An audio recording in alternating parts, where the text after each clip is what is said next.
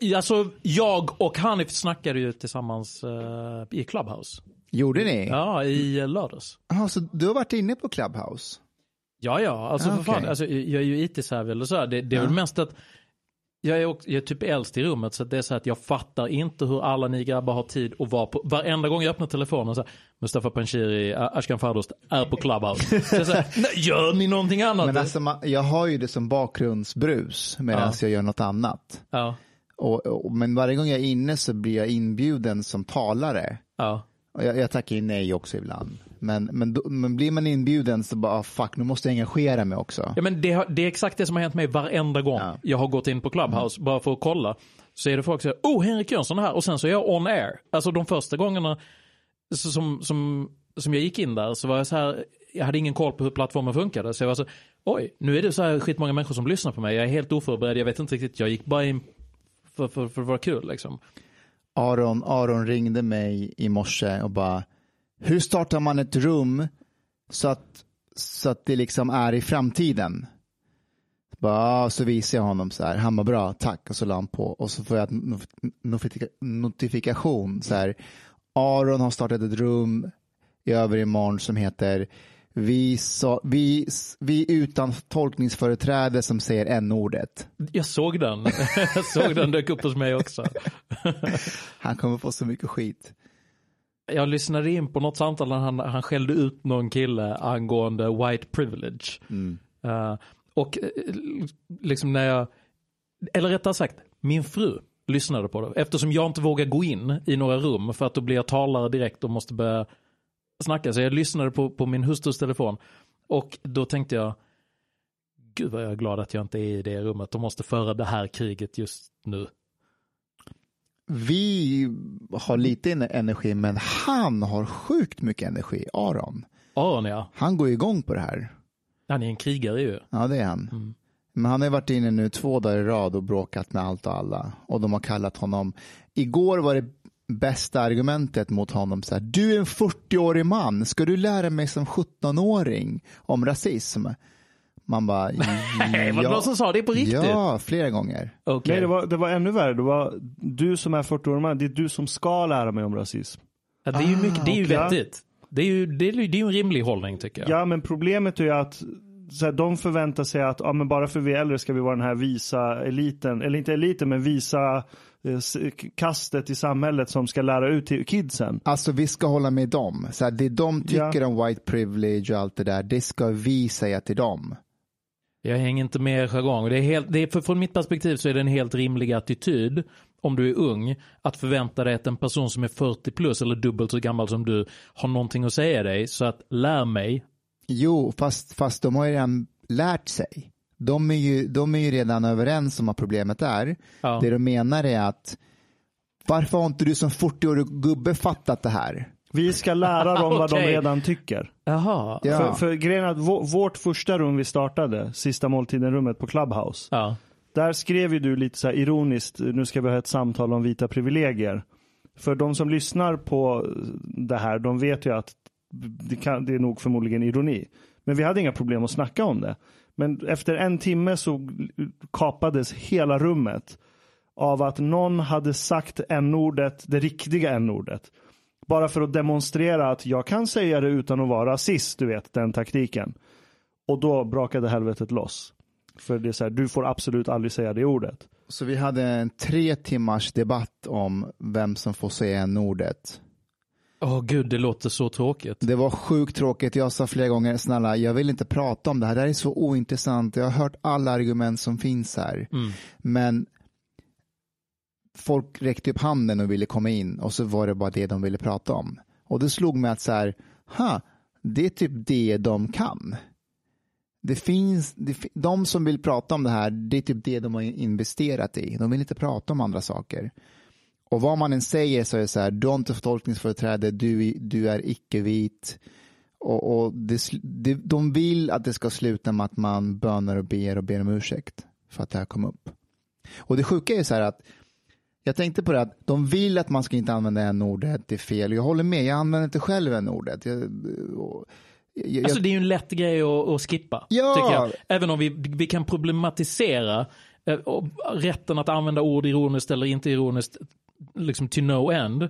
Men det är ändå det, det är en lätt grej att skippa. Alltså det, det är sällan, jag, jag är liksom inte, jag är inte hiphop människa så att jag bara. Ja, men det är bara, som she, her. Liksom. Ja. Om någon eh, identifierar sig som ett annat kön och säger till mig så här, Ashkan, jag identifierar mig som ett annat kön än vad du tror att jag är. Mm. Jag vill att du eh, kallar mig för det här pronounet, pronomenet. Mm. Det är så här, självklart, av ren respekt. Vad fan ska jag hålla på och tjafsa om en sån grej för? Och det är samma sak, så här, använd inte n-orden. Fine.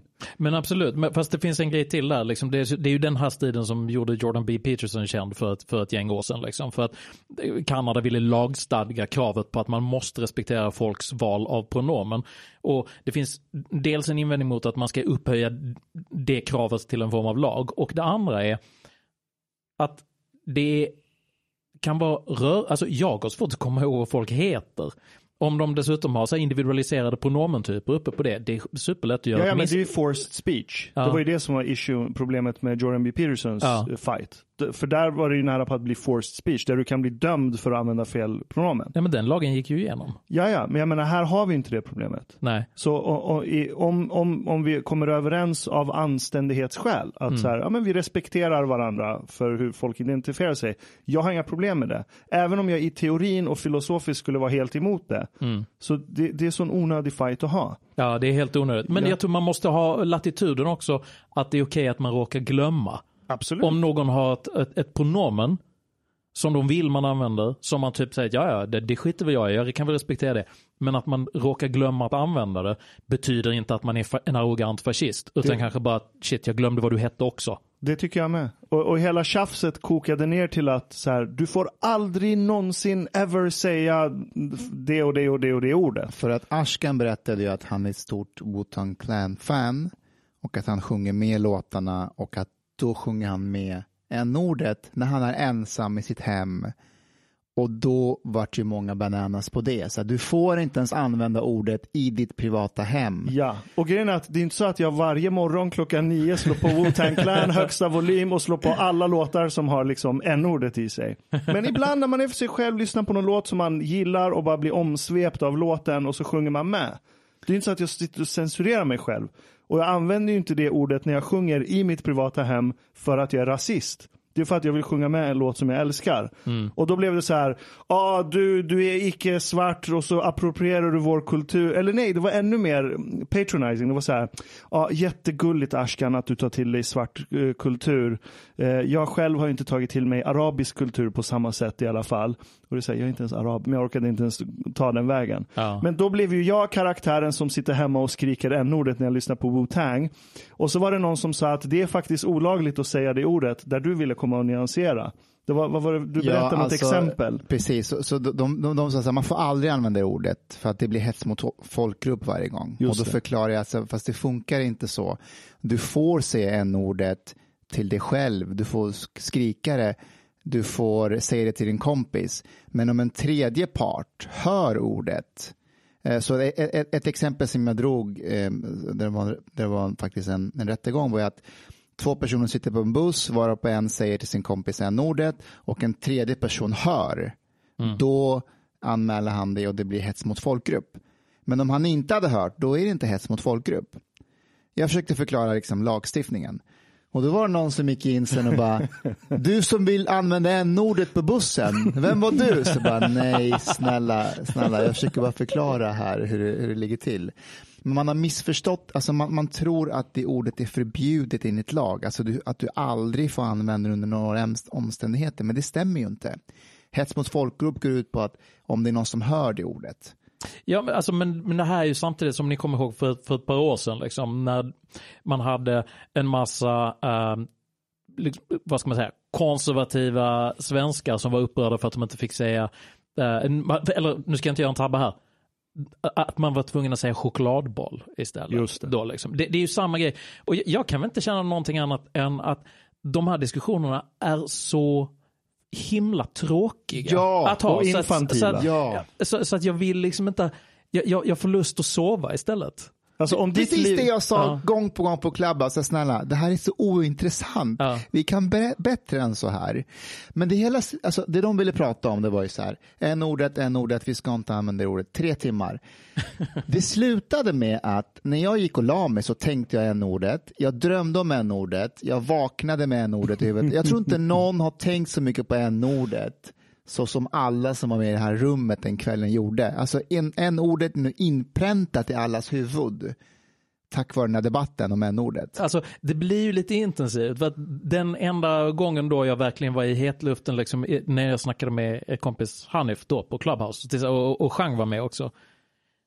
Då körde jag typ två timmar att vi, vi, vi snackade där. Och sen gick jag och la mig efter det, för det var ganska sent. Då drömde jag också att, att, att jag var med i Clubhouse hela tiden. Sådär inkastad på det sättet som jag blev då. Att jag är helt oförberedd. Allting jag säger nu efter två glas vin bara har en jättestor publik. Och jag är inte säker på att det här är bra, men eh, Men Det, det är ju verkligen ett minfält. Och när man, om det blir någonting som blir en fight som det blev när vi hade. Och det var inte bara att vi hade en tre timmars rum där en och en halv timme av det blev det här bråket om n-ordet. Eh, och, sen, och, och, och det är så kul att strategin det är att direkt måla upp karikatyrerna. Ashkan som sitter hemma och skriker det här ordet när han lyssnar på Wu-Tang Clan. Mustafa som- Mustafa som åker buss och bara säger det ordet under hela bussresan. Medan ingen av oss hade yttrat det ordet. Vi satt i en, över en timme bara, vi vill inte använda det ordet. Vi tycker det är helt jävla ointressant. Det finns inget värde. På samma sätt som debatten är ointressant. För att det här, ha lite fucking anständighet och respektera. På samma sätt är personer som insisterar med att inte säga chokladboll. Det är så här, get a life. Så jag orkar inte höra på din kamp om att få kalla en bakelse för vad du vill. It's not worth it. Vi har, vi har det för bra i Sverige. Vi har Ja. det för bra i Sverige. Men sen startades ett rum efter vårt rum. Som hette Skäms ni inte sista måltiden? Och den hade tusen pers som satt där inne till 01 på natten och fortsatte debattera. Men kan det, här vara, kan det här vara för att Clubhouse är ett nytt socialt medium som att den isolationistiska vänstern har inte hunnit isolera sig än? Vilket gör att vi plötsligt bara wow, nu fick vi dem i knät. De finns ju. För att i alla andra sociala medier så, jag ser aldrig vänstern för att sådana som oss har de redan stängt av. Så, oh, nej, det blir kognitiv dissonans, jag kan inte ha människor som inte håller med mig. Polarisering är bra. Det här är vad som händer när du tar bort polariseringen. Och, och så här, nu, 48 timmar, en ordet, jag sover, tänker på det ordet, vaknar, tänker på det. Idag var första dagen det bara hade lagt sig och så här, alla hade lugnat ner sig. Och så går man in på Clubhouse. Aron Flam har startat ett rum. Vi som vill använda en ordet men inte ha tolkningsföreträde. It never stops. Nej, det slutar aldrig. Jag, än en gång, det får, det får motsatt effekt. Sen Japp. å andra sidan, om du kommer ihåg den här gamla Easy E-låten. ehm, den har ju inte samma ring om man säger en-ordet, en-ordet, en-ordet, en-ordet, en-ordet. Please, you treat me like a fucking disease. Ja, men, eh, Chris, Rock, Chris Rock har ju en sketch där han härmar vita när de lyssnar på rapmusik med svarta närvarande. Då är det så här, yo, yo, you, mm, mm, mm, yo, you mother, mm, mm. De, de censurerar sig själv bland svarta. Och då säger han så här, lyssna, om ni lyssnar på en raplåt, säg en ordet. Så här, det ser jättelöjligt ut när ni står och censurerar ibland mig, så här, framför mig. Så han ger ju tillåtelse. Chris liksom. Rock? Ja, men det är den gamla generationens Ja men Svarta, fan, det är liksom. intressant att du plockar upp honom. För att han breakade ju Saturday Night Live. Alltså typ, ni måste egentligen varit för unga för att kolla på Saturday Night Live när han breakade. Det var typ början på 90-talet. Så jag, jag var rätt ung då. Och då hade han en karaktär på Saturday Night Live som hette Nat X. D- där- han var en sån här typ svarta panter-figur eh, liksom med skitstor afro i någon slags tunika uh, och så här fighter power uh, symbolik. Där han varje vecka gjorde narr av den där typen av besatthet vid olika sorters färger som är på riktigt nu. Som den här sjuka grejen på Konstfack då, där de har ett rum som heter. Vita havet. Vita havet! Eh, det, det är en liksom rasistisk eh, grej, vi måste byta det. Så Chris Rock gjorde ju då en allegori liksom varje vecka där han pratar om The white man is oppressing me in every pub I go into there's a pool table. With the aim of the white ball to knock all the other colored balls off the fucking table. Alltså det där är ju kritisk rasteori Ja, ja. innan det blev mainstream. Vilket jävla geni. Ja. Har ni sett CB4? Nej. Det är, okej, har ni sett Spinal Tap? Ja, ja. Du har sett, jag visar några klipp eh, från den till dig. Det här, Arena Rock eh, band dokumentären. CB4 är exakt samma sak. Det är en dokumentär. Men där dokumentärfilmaren då följer ett fiktivt band som heter CB4.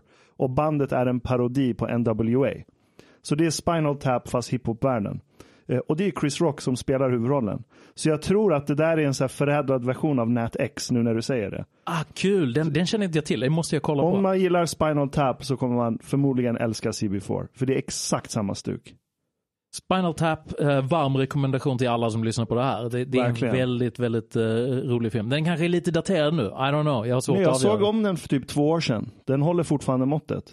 Det är väldigt roligt när de har byggt ett Stonehenge som är typ så här 30 centimeter högt. De, de ska göra så här symfrock liksom. Yeah, I want Stonehenge. And så här, folk som dansar druidiska danser runt. Så, här, så ritar han det på ett papper. Och sen så gör de av ritningen exakt. Så de bygger det i så här, papier-maché 30 centimeter högt. Och så har de två dvärgar som dansar runt. Jag har fan missat det där. Ja, äh, ko- kolla upp den och så vi, vi kan ju köra ett clubhouse-rum där vi pratar om det sen. Så får vi en massa Äh, vad arga roligt. dvärgar på halsen efter. Fan vad roligt.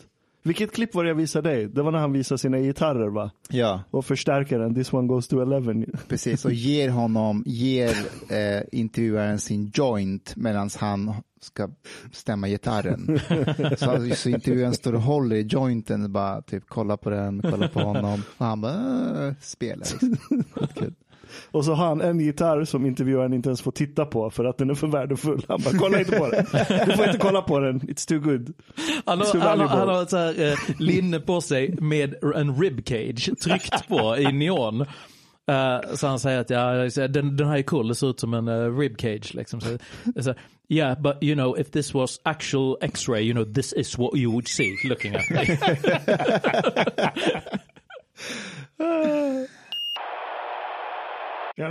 Tja. Hallå! Japp. Tjena. Allt bra med dig? Kul att se dig. Detsamma, tack för sist. Tack. Fast det var bara röst då. Ja, det var verkligen bara röst. Det känns som att vi, gör, vi känner varandra redan, eller vi vet vart vi har varandra. Lite grann, eller hur? Vill någon ha en Red Bull? Det är sockerfria Red Bull. Alltså, jag kommer balla ur. Men bra. Jag kör. Du, jag kör. det här är din. Är det det? Ja, det är klart. Fan vad nice. Köpte Du, vi kan dela en. Alltså jag dricker aldrig energidryck, men jag skulle kunna behöva en liten picker-upper. Har du sockerfri så tar jag också. Hej, vad är det för tröja du har på dig? Vadå? Varför är den så lik min? Han, den har jag haft i fucking ett och ett halvt år. Ja, okej, då så. Så- right. Det ser lite grann ut som de där t-shirtarna som de har på uh, The Nebuchadnezzar, rymdskeppet i The Matrix. När de har, Ja, jag vet vad du menar. Ja. Han, eh, vad heter han, eh, den biffiga killen har ju den, asiatiska, eh, lite asiatisk. Eller har alla det? Uh, men de, de, de har ju för att det ska se lite så hardcore ut liksom. Så vi har inte tid att ha några uh, liksom vita tredelade kostymer på det här rymdskeppet liksom. Utan vi, vi stickar de här själva liksom. Just det, just det. Fan jag älskar Matrix. Den första filmen är grym. Jag älskar första filmen. Äh, vet du vad som händer? Jag ser första filmen med, med min tjej. Hon har inte sett den förr. Hon är född år 2000. Oj, det Här sitter, vi har, här sitter vi och har ett civiliserat samtal. Du är inne i, du har varit här i en minut. Försöker måla upp han som någon pervers. Nej men jag bara säger hon har inte sett det för hon är ju liksom född sent. Den kom innan jag Född föddes. sent. Det värsta är att, att Hanif har ju träffat henne. Ja, jag har ju rätt. Det är det som är grejen. Hur som helst, eh, hon, vi, vi ser den tillsammans och jag är så här, hon kommer bli mindblown. Alltså när hon ser Matrix liksom. Och hon bara, fan vad dåliga effekter det här var. Hon, hå, hon hånade filmen rakt igenom. Va? På, på VFX basis? Ja, ja, alltså. Men det är ju, det är, alltså vadå, jobbar hon med visuella effekter eller? För att, alltså, av alla jäkla filmer, har du sett hur gam- hur gamla. Star Trek-filmer ser ut från Eh, Jag kan inte 90-talet? se Star Trek av samma anledning. Men Matrix, jag ser om den så här en gång per år. Effekterna håller. Ser du om de den en håller. gång per år? Alltså shit vad du klättrade upp i geek-stegen. Ja, men jag kör en maraton en gång per år. Fast Ashkan, jag, alltså effekterna, jag minns hur imponerad jag var av effekterna när det kom, men nu, Men den är inte så effekttung. Den är egentligen inte så Nej. effekttung. Jag, jag, jag håller med och visst, alltså, så, there is no spoon, skeden ser lite dåligt datoranimerad ut etc. i, i den den scenen. är sjukt dålig. Ja. Men, men det är inte så, det är inte, det är inte jättedåliga effekter för, för att filmen är 20 år gammal. Så att, att hon sågade på just den innebär att din tjej är väldigt känslig för att det ska vara mycket bra datoranimation helt enkelt. Ja, kanske, hon spelar ju mycket, hon gamer ju mycket. Ja. Hon är en gamer. Ja. Ah, okej, kul. Ja, så, eh, och det är ju inte jag, så vi har lite omvända roller sådär. Tycker du det är kul att titta på när din tjej gamer? Att jag brukar titta när min fru spelar dataspel för att jag vill hålla mig lite ajour. Med, Är hon gamer? Med, med, med, Ja, just det, hon jobbar ju med gaming. Ja, ja hon, hon är ju vd för vårt eh, Ja, ja. Liksom, gamification-bolag. Så att, alltså, och, och, hon sitter i, och är med i dataspelsbranschen och har massa förtroendeuppdrag och sånt där. Så att hon är big time gamer. Eh, men men jag, har, jag har inte tid och ork att sätta mig in i dataspel längre. Men däremot tycker jag det ibland är ganska nice att bara ligga och titta på när, när hon spelar. För att se grafiken och se hur interaktionen funkar och sånt. Så jag tänkte du kanske också gjorde det. Nej, det gör jag faktiskt inte, men, men det är kanske är det som spökar hos henne just. Men, men jag försökte förklara för henne att alltså, okej, jag, jag fattar de här effekterna, men det är ju inte det som är grejen. Det är ju liksom filosofin i filmen, hela den här the red pill, the blue pill. För det kommer jag ihåg, att jag, det var som att när jag gick och la mig, jag vaknade lite som en så här ny människa på något sätt. Mm. Eh, det är en tung film. Det är samma som 2001 Space Odyssey. De effekterna tycker jag håller fortfarande. Oh ja. Förutom att så här, okej, framtidens kommunikation, när är den gjord? 69 någonting? Eller- De spelade in, det, det är Coppola och de spelade in den 68 och de släppte samma år som månlandningen. Om jag Aha, inte missminner mäktigt, mig. Så, mäktigt. så det är mäktigt, eller hur? Men det enda, typ, det enda de inte prickar rätt är att framtidens kommunikation är att du sitter framför en jättestor tv-skärm med någon så här mikrofon fram, Skype. Mm. De prediktade inte internet, men det är inget du kan så här basha på någon för.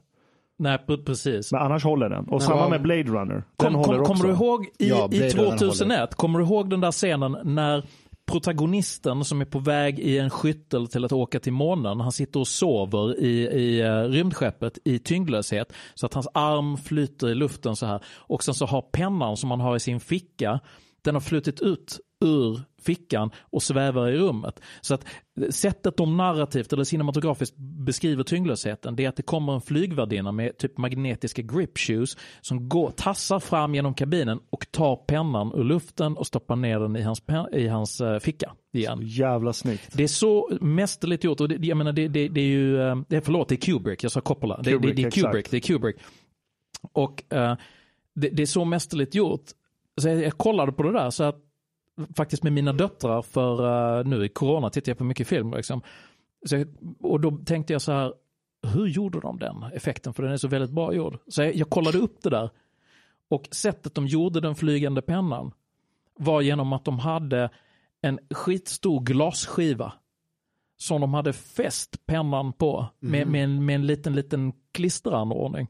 Och sen så var det en massa operators som flyttade Nej, glasskivan och så filmade de genom av. glasskivan som pennan satt fast på.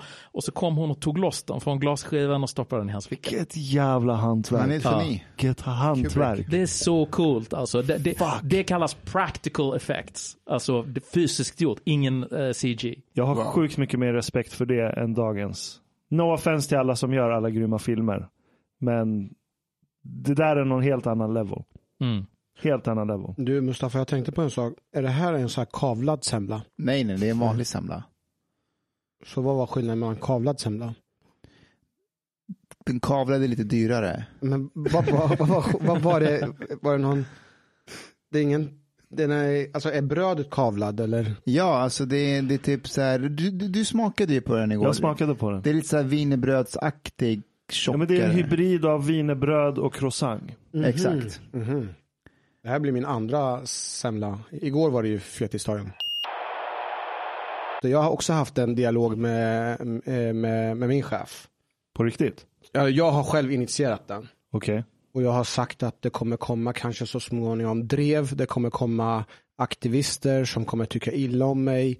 Ehm, och eh, då, jag vill bara att du ska vara förberedd, säger jag till min chef.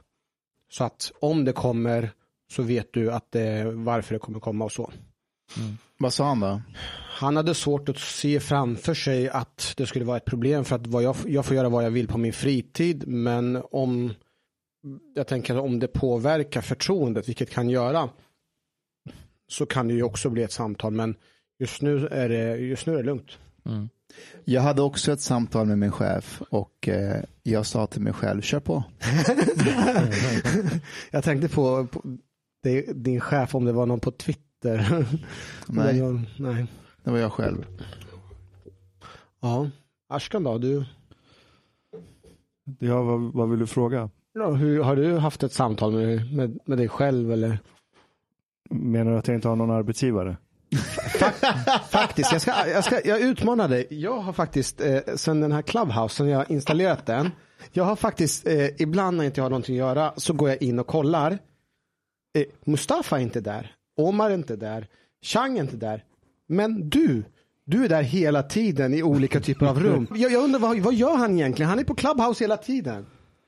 Jag gör viktiga saker Det här är för typ viktiga människor det här är som åttonde ger mig väldigt mycket fritid. Det här är åttonde gången som Hanif anklagar Ashkan för att vara arbetslös.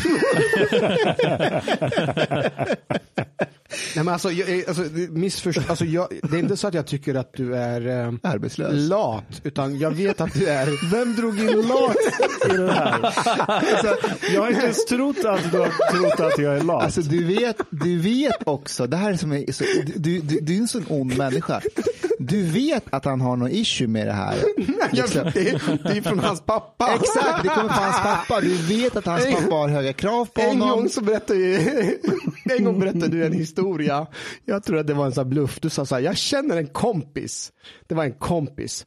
Att Hans föräldrar ställde så höga krav på honom att han skulle studera och bli en väldigt eh, duktig person. Och den här killen studerade hårt och till slut så gick han och fick en PhD. Sen kom han med den här PhD till sin, eh, sin familj och sa, här är min PhD, nu är jag vad fan jag vill. Och jag kom ju på, det är ju, det är ju, det är ju en verklig berättelse. Det är jag som berättar den storyn Ja, för dig. Men han projicerar den på mig.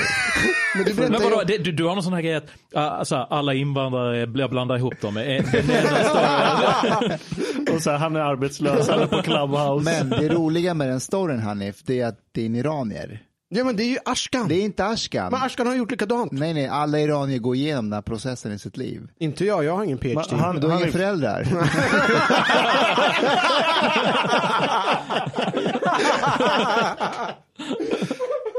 Men Han- Hanif, du har varit hemma hos mig. Ja. Du har sett hur jag har det. Ja, ja, ja, Du, du, har- du har åkt, du har åkt till min fina nya Volvo. Men det är det här som är grejen. Jag, jag anklagar inte dig för att vara lat. Jag anklagar att du är smart. Och du behöver inte jobba för att du, du är så bra på att du kan göra dina föreläsningar och tjäna fem gånger så mycket mer än vad jag kan tjäna. Så att, men jag tänker att din smarthet gör att du inte behöver jobba så mycket.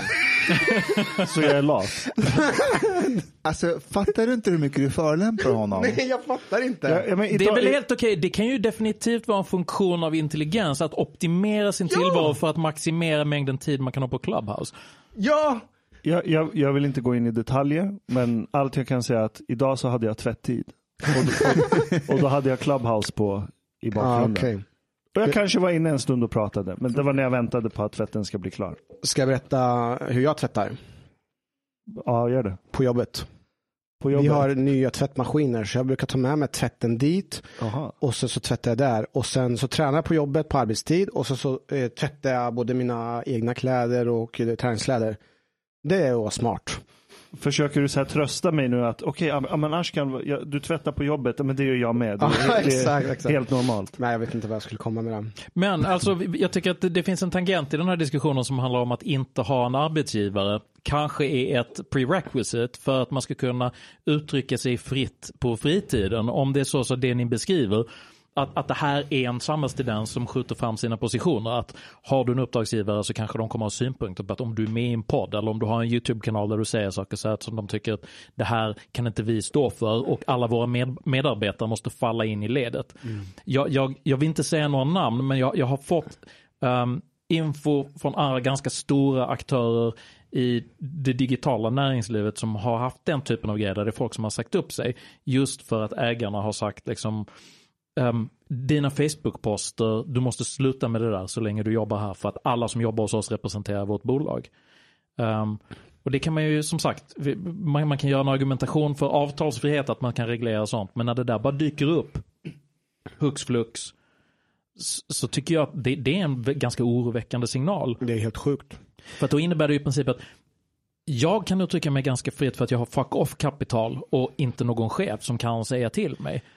Jag, jag, skulle precis säga det att du, du, spontant kommer jag att tänka på att det är du och Chang Frick i Sverige, eh, alltså i alla fall som, som är era egna, men också har en stark roll i offentligheten, som är de friaste människorna jag känner på ett sätt. Ingen kan sparka er, ni har skapat en roll där ni är er egna chef. Ni kan säga precis vad ni vill. Och ni har fuck off kapital. Men är det inte det som är hotet egentligen? Alltså på ett omedvetet sätt så blir det här en form av hot för alla organisatörer och aktörer. Det vill säga att vi kan, alltså man kan bli så fri som möjligt så att man kan till och med vara självständig från de här organisationerna. Till slut så kommer man inte behöva ha dem. Till slut behöver inte jag gå till ens till jobbet för jag kan ju vara självständig. Nej, men hur många kan göra den resan? Men, men här, tror jag att uh, jag och Ashkan antagligen är överens liksom, om vart digitaliseringen av arbetsmarknaden egentligen är på väg någonstans. Alltså de traditionella industrisamhällets anställningsformer liksom, där du, du, du checkar in när du är en ung hungrig kille och sen så gör du en intra-company career och får en guldklocka när du checkar ut vid 65. Det, den, det existerar ju knappt nu längre överhuvudtaget och kommer ändå mindre att göra det. Ja. Coronakrisen har accelererat det här, kapaciteten telecommuting och folk arbetar hemma etc. Så att de, de där gamla liksom anställningsformerna kommer nog brytas upp mer och mer. Sen så är det en sak som jag vill lägga till i det sammanhanget, det är också att mina verksamheter har ju kunder och jag menar, vi har ju haft diskussioner internt också, liksom, så att, att jag uttrycker en, en tydlig libertariansk position konsekvent. Uh, det kan ju antagonisera människor som till exempel tror på liksom, att det är viktigt med socialistiska grundvärderingar i samhället. Så det kan antagonisera um, vissa kundgrupper. Men uh, vad, vad, vi har sett är att det är liksom inte så många som har blivit antagoniserade. Tvärtom så är det så att vi har faktiskt attraherat människor som håller med. Som är så här att jag vill jobba med dig för jag, jag, jag lyssnar på, på vad du säger och det, det, det är skönt att höra någon som, som tar upp de här frågorna. Så att det kanske skulle vara samma för GAPF. Liksom att, att, att, det kan, att det kan finnas en revitaliserande funktion i att det är folk som tar ställning att det inte är det där smoothly packaged eh, värdegrundsmissilen eh, liksom, ut, utan någon friktionsyta överhuvudtaget. Det, det, tror jag med. Och, och, det har jag märkt ganska tydligt. Det, det, har skett en förflyttning av uppdragsgivare för mig. Sen jag började uttrycka mig politiskt. Jag har märkt att de gamla klientelen har sakta men säkert slutat höra av sig. Medan det har kommit ett helt nytt klientel som är politiskt pålästa och fattar att aha, men alltså det Ashkan snackar om det placerar honom som typ centrist på amerikanska politiska skalan. Mm. Det är inte ens radikalt. Det är ganska mellanmjölksåsikter jämfört med USA. Eh, och de klienterna är mycket mer roliga att jobba med. Jag vill inte ens jobba för någon som är så jävla skitnödig att den stör sig på att man har liksom libertarianska åsikter. För mig är det helt absurt. Det, det, det, det, där blir som att du är i ett förhållande med en, en, en tjej som, som, ställer, som ja. plötsligt ställer ett krav på dig som mm. får dig att förakta mm. henne lite grann. Sen har ju jag av diverse skäl privilegiet att kunna ta det beslutet själv. Mm. Så, så den andra sidan av det, som du nämnde Hanif, att till slut kommer vi inte ha de här institutionerna om de beter sig så här. Eh, det som kan hindra det tyvärr, det är att i Sverige, du har en ganska dåligt fungerande bostadsmarknad. Det är svårt att få hyresrätter, men det är jävligt, sätt, jävligt enkelt att sätta sig själv i skuld. Mm. Och då har banken strypgrepp på dig. Så du kommer vara fast med en amorteringsplan som kommer löpa livet ut. Då blir det jävligt svårt att börja göra saker som kan antagonisera eh, antingen uppdragsgivare eller arbetsgivare som är ännu värre. Det är världens risk. Och grejen är att polis, eh, polisen håller på att göra en jättestor resa också. När du var polis så var ju tvungen du att eh, säga upp dig för att du skulle hålla på med ditt eh, föreläsningsuppdrag. Sen dess så har det ju skett så mycket. Nu är ju var och varannan polis eh, har eget för, nej inte varannan men det är många som håller, är ute och föreläser, eh, gör karriär i media. Så att det börjar också skifta för att polisen börjar ju inse att det, den här, vad heter det, sötmjölksdagarna, vad det heter, den är över. De kan inte köra samma race. Förr i tiden kunde HR-avdelningen till oss säga att passar det inte så kan du lämna in dina grejer. Vi har 10 000 andra personer som står redo för att ta din plats. Och det var väldigt enkelt att ställa krav på oss men nu är det inte så utan nu är det massor med luckor som behöver fyllas och de nya medarbetarna ställer väldigt höga krav. Så att polisen måste också rätta in sig lite grann i ledet efter hur samhällsutvecklingen är. Sen så är det nog från chef till chef och min chef eh, är ju väldigt, han är ju liksom väldigt liberal på det sättet eh, och har väldigt så här, stort överseende med med allt skit som jag håller på med.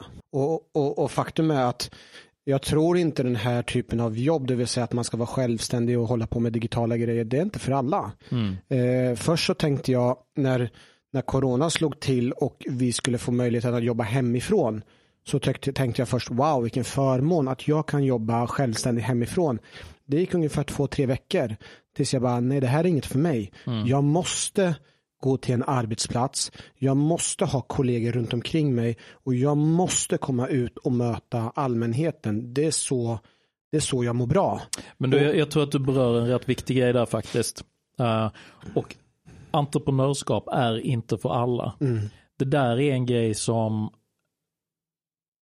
politiken växlade över till när de började få problem med digitalisering och det var en massa gamla industriarbetare som förlorade jobben. Och då var de så att, nej men ni ska skola om er till att bli typ IT-entreprenörer för det är dör gångbart. Eller programmerare. Ja, ja precis, och så sätter de igång initiativ för det, dör optimistiskt liksom. Och, och, och det är också det här som, ja, du vet att du och jag gillar och, och Uh, hata på hela det här innovationsbyråkratiska komplexet med alla kluster och acceleratorer och hubbar och sånt. Liksom, där det bara är de människorna som dras till de där ställena är inte material för entreprenörskap, för de är redan någon annanstans i, i livet och håller på med sina bolag. Och då är det liksom sådär, det finns en grej som, som de gärna pratar om, politiker gärna snackar om, och politiker vet väldigt lite om entreprenörskap också, ska jag säga de säger så här, det måste bli lättare att starta företag. Nu gör jag Annie Lööf av någon annan. ja, det är Annie Lööf som kanske säger Det måste så. bli lättare att starta företag i Sverige. Så, nej, det är jättelätt att starta företag i Sverige. Alltså, det är typ för lätt. Det är en massa människor som inte ska driva företag som sätter igång företag. Faktiskt. Det som är svårt är att driva företag i Sverige. Att anställa i Sverige. Alla de grejerna mm. kan man titta på. Avbyråkratisera, avreglera, liksom lätta upp de typen av skattebördor. An, liksom, eh, lagen om anställningsskydd i ganska tuff för små företag. Ja. En snedrekrytering kan typ sänka en hel verksamhet till exempel. Så det, det, liksom det du tar upp är en, en bra observation.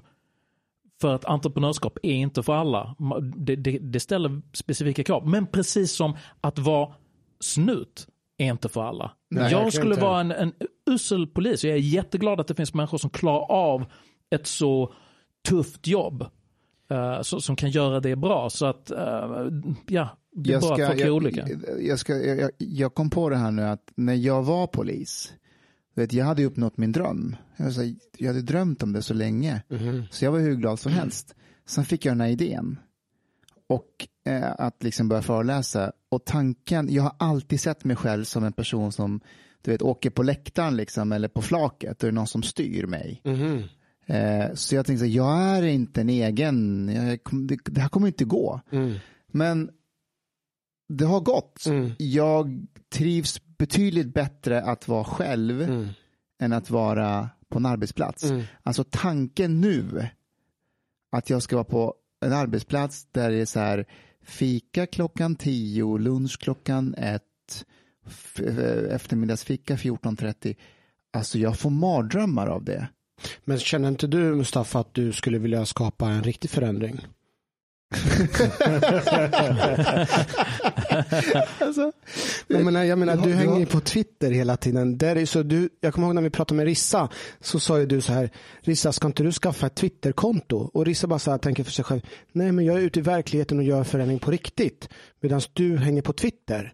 Ja. Det är ju där, alltså det är på ute där ute man gör skillnad. Men det där, liksom Twitter, det är lite som att bli fackidiot på ett sätt. För man ska konstatera att det är, så här, det är mindre än 2% av svenskarna som finns på Twitter. Ja. Så att det är väldigt journalisttungt och det är mediamänniskor och det är sådana som vi som är där som håller på och jävlas med varandra. Det är. Almedalen dygnet, eh, dygnet runt, året runt. Ja, typ- alltså en, en bakfull, aggressiv, Ja. osoft Alme, Almedalen är ju ganska nice. Alltså. det, det är Almedalen fast där alla sitter i varsin privatbil med skyddad av glas. Så man kan bara peka fuck you och skrika åt vem som helst utan att få konsekvenser för Men det. om jag, Typ. om jag går tillbaka till frågan, alltså finns, vad är det för något du saknar? Saknar du ingenting från eh, snutrollen? Fast Hanif, när jag sa upp mig från polisen så jag sa upp mig från att göra det jag ville göra i Linköping till att göra det över 250 kommuner på tre och ett halvt år.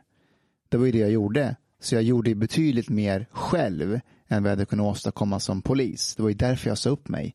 Jag ville inte bara vara i en liten, som, hå- inte, inte för att Linköping är en liten håla, men det var ju att ta steget ut som jag kunde åstadkomma ännu mer. Men kolla, det här är en rollfördelning som är så att olika kapaciteter kan vara slagkraftiga på olika plan. Jag menar, om du, om du är Henry Ford och du uppfann liksom T-Forden, då, då, då måste du ha ingenjörerna som klarar av att bygga den bilen är livsviktiga. Men det spelar inte heller någon roll hur bra bilen är om du inte har kommunikatörer som faktiskt är ute och får folk att liksom fatta vad de ska ha den till. Så att alla de här rollerna har liksom olika syften. Sen, sen är det så här att jag minns ju också hur det var, så här, de idéerna jag hade inom polisen, att jag visste alltid att jag måste förankra det med en arbetsgivare. Jag måste anpassa mig, jag måste spela spelet. Det behöver inte jag göra nu, i alla fall inte i lika hög grad när jag är egen. Har jag en idé så kan jag dra det till yttersta, det kan bli galen, men jag, här, jag kan ändå göra det om jag vill det kunde jag inte som i rollen som, jag var tvungen att tänka hela tiden med för i intervjuer, i, på föreläsningar. Jag hade ju inte kunnat säga det jag säger på föreläsningar nu i rollen som polis, alls på samma sätt. Vad är det som du säger nu i rollen som föreläsare som du inte kunde säga i rollen som polis? Till exempel om kulturskillnader mellan människor, till exempel om vilka åtgärder vi ska, till exempel att en, en, en, minskad migration är viktig för att kunna lyckas med integration, att se det som polis. jag Det gör ju vem, det gör alla poliser idag. Stoppa invandringen säger ju, eh, alla säger ju det. Really? Alla, vem, vem säger inte det? Okej. Nadim säger det, Martin Lassar säger det, jag säger det, alla vi som syns och hörs säger det. Vi skriver debattartiklar om det. Men det var kanske lite annorlunda. Men det kanske När- var- det kanske var när- annorlunda då. 2015 Ja. liksom. När, när du hoppade av då så tror jag inte alls, för då var det ingen som kunde prata om de frågorna överhuvudtaget. Nej, det var väldigt nytt och så. ja. Men, men jag, det jag försöker bara säga är att det har ju skett en förändring inom organisationen också. Det har gått fort, jag håller med dig. Och, och, och nu får du ju liksom, kom på en idé som jag och Martin, vi kom ju på en egen idé. Vi skulle köra egna föreläsningar, vi skulle gå ut och föreläsa. Och sen så bara gick vi till Ulf, Ulf Johansson och han sa bara kör. Så fick vi det, ett år. Vi fick till och med eh, resurser till det. Vi fick medarbetare som var med och gjorde det vi ville göra. Så då var det inte bara en Mustafa som var ute utan vi var ju fem, sex stycken som ville vara med och komma och göra det. Vi hade en som eh, schemalade oss, vi hade en projektledare och sen så hade vi massor med andra och vi var ute och, och träffade folk i hela Stockholmsområdet. jag, jag kanske borde gå tillbaka till polisen. Men jag, det, det jag tror att det finns ju någonting där. Alltså jag- så här tror jag. Eh, Jag ska in, jag kanske har en förmåga att förminska ditt arbete men no shit. Alltså jag Ja, men- väntar men bara så med tanke på hur han går åt er. Jag tänker om en timme så är det jag som får. vi kommer till dig med. Du förstår att det här är mindervärdeskomplex. ja, men det är, alltså, för mig personligen, att gå och träffa någon, eh, någon målsägare, en pappa, en mamma som är nästan tårögd och verkligen tackar dig för vad du har gjort, åstadkommit för deras barn. Eh, alltså det, den erkännandet, alltså den är, jag kan inte beskriva den med ord, det går inte att beskriva den på något sätt. Det är, sånt, det är så tungt. Eh, och det kanske var vad jag själv eh, innerst inne går igång på liksom. Och den här eh, liksom verkligen tacksamheten över att man har kunnat åstadkomma någonting. Jag, eh, hur många gånger får inte du en massa personer som kommer fram till dig efter föreläsningar om, och gör ovationer för det du har sagt? Men kan man verkligen likställa dem? Hänger du Va- med? varför måste du likställa dem? Jag menar på, saknar inte du den delen? Att verkligen göra en förändring på riktigt? Där kom det. Men, ja, men, hänger du med? Alltså men- göra alltså, förändring för människor? Fast menar du att om jag är ute och föreläser för säg afghaner Mm. och de ser mig, ser vad jag gör och de Det är ju lite större i och för sig. Ja, Nej, men det är ju det. fort, han svänger så fort. Ja men det är ju det, för du, Alltså- du skapar ju en idé, du skapar hopp och hopp är ju bland det viktigaste för, jag- för människor. Absolut, jag, fått- köper det. Jag har fått så mycket mail av, eh, Kärleksbrev. nej, men av afghaner som har lyssnat på mig och som säger så här, jag har, jag har börjat på gym nu, jag går och tränar tidigt på morgonen för jag ska också bli polis eller Mm. något annat. Alltså de har ändrat sin livsstil. Men alla afghaner vill ju bli polis numera. Ja, jo. På, men på riktigt, om man, eh, jag, alltså jag, gick, jag har ju gått i eh, Mustafas fotspår och sen så också går jag och föreläser. När, när, det, det, här, det finns alltid så infoblad om de här ensamkommande och så, alla, alla vill bli poliser. Hur är det ens möjligt? Men är inte det en lite skev bild av så här, göra förändring på riktigt? För så här, alla är, har inte den kapaciteten, eller alla har inte den paletten av intressen som leder att, till att du kommer hamna där ute på fältet. Men vänta, får, får, kan jag göra en timeout här alltså? För att jag tror den här eh, bilden av vad som är att göra förändring på riktigt eller att göra ett jobb på riktigt hänger ofta samman med vilken bild man har av tillvaron och vad som är impact. Om man, om man, om man går tillbaks liksom och kollar på så här, marxistisk analys av vad värdet skapar någonstans har en helt instrumentell syn och säger att det är endast arbetarnas arbetade tid som är produktivt meningsfull. För det är där arbetet sker. Och i en organisation, nu har jag ju haft ganska många anställda under ganska många år, så vet jag att Vänta i, nu, håller inte du bara på med YouTube? Här kom den. det, det, det, det, long story. Long story. Vilka mer anställda du pratar om? Alltså, nu, nu så här, mitt, mitt, mitt huvudbolag, eh, jag har ju ett, ett innovationsbolag som heter Divine Robot. Och där, där har vi ungefär 20 anställda som sitter. Men, men tidigare har jag haft flera andra verksamheter också. Eh, Robotar eller? Uh, Nej, vi arbetade en, en gång liksom med AI, det var lite därifrån Ah, na- namnet kom. Men nu arbetar vi mycket med simulation av komplexa system av infrastrukturell karaktär. Men det, det är en annan diskussion. Men vi har, vi har jätteduktiga software engineers som, som jobbar med oss. Men det finns inte specifikt dem, utan bara generellt över min karriär så har jag identifierat så att och även i mig själv när jag var yngre, att den nivån där man själv arbetar tenderar man att uppfatta som ja men det är vi som gör jobbet. Eh, och om du sitter i produktion i till exempel när jag var ung jobbade jag med visual effects. Uh, vi, vi, vi snackade om. Matrix innan. När jag jobbade med visual effects så tycker jag så, visst, ja, men regissören, visst han kommer in hit en gång i veckan och tycker en massa grejer. Men ah, det är vi som gör, det är vi som skapar effekterna. Sen så när man når managementnivå så är det så att, ja fast ni kan, ni kan inte se, ni har inte helikopterbilden, ni kan inte få ihop filmen. Alltså det är jag som måste ha allting i huvudet och alla de här grejerna liksom ska, ska hänga ihop. Det är, det är jag som gör jobbet. Uppe på regissören så har du liksom executive producers som sitter, ja regissören det är han som ser till att storyn funkar, men det är vi som ser till att hålla ihop att hela det här företaget som kan göra den här underhållningsprodukten funkar överhuvudtaget. Så det är liksom en, en, en nivå, alla behövs. Men man, man tenderar att se sig själv som den som gör det riktiga jobbet, men andra liksom då är uh, management på något sätt. De fattar ingenting. Alltså Henrik säger att du är narcissist. Ja är men det, det, det, det vi Jag allihopa. älskar hur du fick alla oss att behöva förklara vår existens. Jag för vet, att du ska jag började oss. sakta. Först började jag med dig, sen gick jag till Mustafa. Karaktärsmörda Sen- sen- Henrik. Sen, när- sen när jag ska så här, vet, i den korta tiden jag hann vara polis så insåg jag så här att jag gjorde ingen, jag, poliser gör inga förändringar, vi städar upp skiten. Det beror på vilken polis du är. Nej men kom igen, vi städar upp skiten. Om du är på, ordnings, om du är på ordningen, ja. Men inte om du jobbar på en strategisk nivå. Som, Som till exempel, till exempel att, eh, som om man är på eh, kommunpolis. men det är en kommunpolis i varje kommun. Nej, det är inte en kommun. Det beror på vilken, Och är vilket det två område. i vissa Nej, men i kommuner vårt, eh, i vårt område så har vi till exempel fyra och de jobbar strategiskt mot olika mål. Det kan jobba med frågor kring extremism, det kan fråga, göra, ha, att göra med att man jobbar mot eh, föreningslivet. Vänta, där- är, är det här podden Snuttsnack? Eller har jag hamnat... Alltså,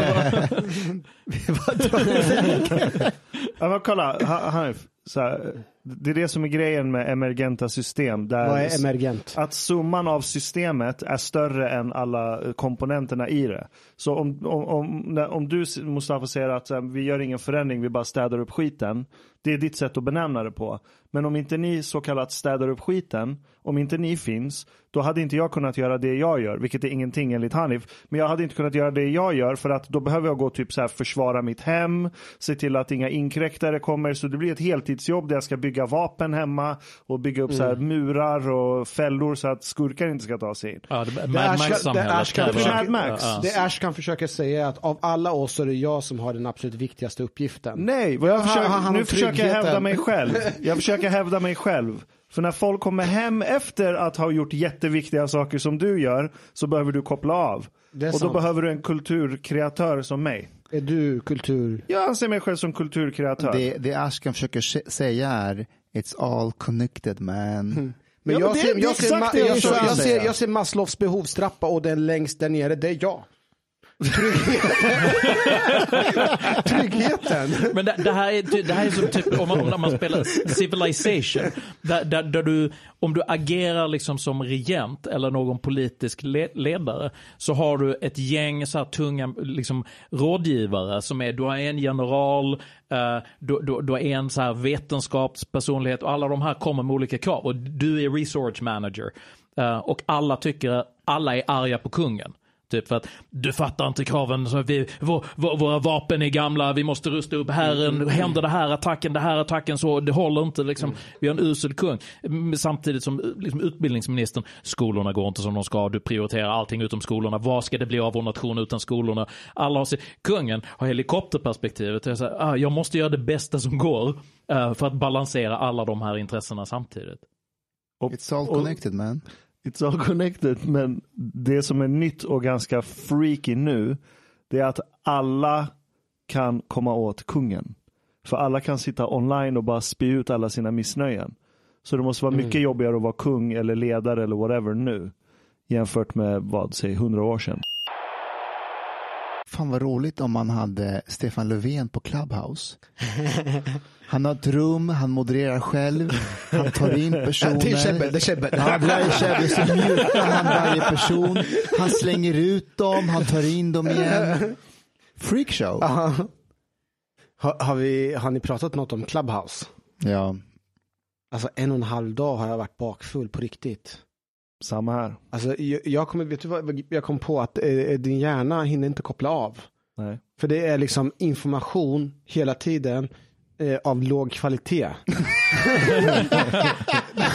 men, men vet du, vi, vi, innan du kom hit så snackade vi lite grann precis om, om Clubhouse och liksom hur alla ni, jag ser alltid er på Clubhouse. Jag får så här notiser och säger, Mustafa Pashe, han är, äh, Ashkan i Clubhouse. Så, fan, de, de, de är verkligen där hela tiden. Så jag, jag snackade med min, med min fru om det då, eftersom vi är lite äldre. Så sa jag, fan det här är en generationsbryll, jag pallar inte riktigt det här att hoppa in i de där rummen och sen så blir jag promoted till speaker hela tiden. Och så plötsligt så är jag i hetluften då på något sätt, jag råkar säga någonting oförberett liksom, så blir alla sura på mig.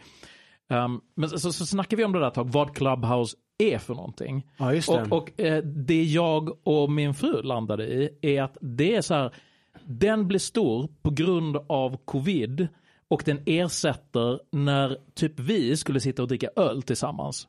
För att du vet när folk kommer förbi och så kommer en polare och bara sätter sig och sen så sitter vi och bråkar om olika ämnen och, och dricker öl. Det är den funktionen som Clubhouse verkar ha. Ja. Lite sådär banter. Ja. Det är liksom inte förberett, det är inte så smart. Fast det är också så att det är inte bara du dricker öl med dina polare utan nu kommer det eh, dina motståndare och dricker öl med dig också. Ja, det blir en publik runt Publik alltså. och publiken kommer in och liksom ifrågasätter. Som när vi hade våran eh, forum så var det någon jäkla socionom som kommer in och börjar säga fan ni är populistiska snutar, ni ska, kom, ni ska inte komma och tycka någonting. Den där personen dricker inte jag öl med. Den personen får ju inte vara i, i, i mitt rum, men nu släpps den in. Det är random AV. Ja. Random Och, AV. men, men på något sätt upplever jag att vi kommer ju närmare varandra. Mm. Fast gör vi det? Jag har aldrig tänkt så mycket på en ordet som jag gjort de senaste två Fast dagarna. jag, hade, jag har ju haft jättemycket liksom, eh, tankar och åsikter kopplat till Henrik, Ashkan och Changs eh, libertarianism. Uttalar man det så? Ja. Mm.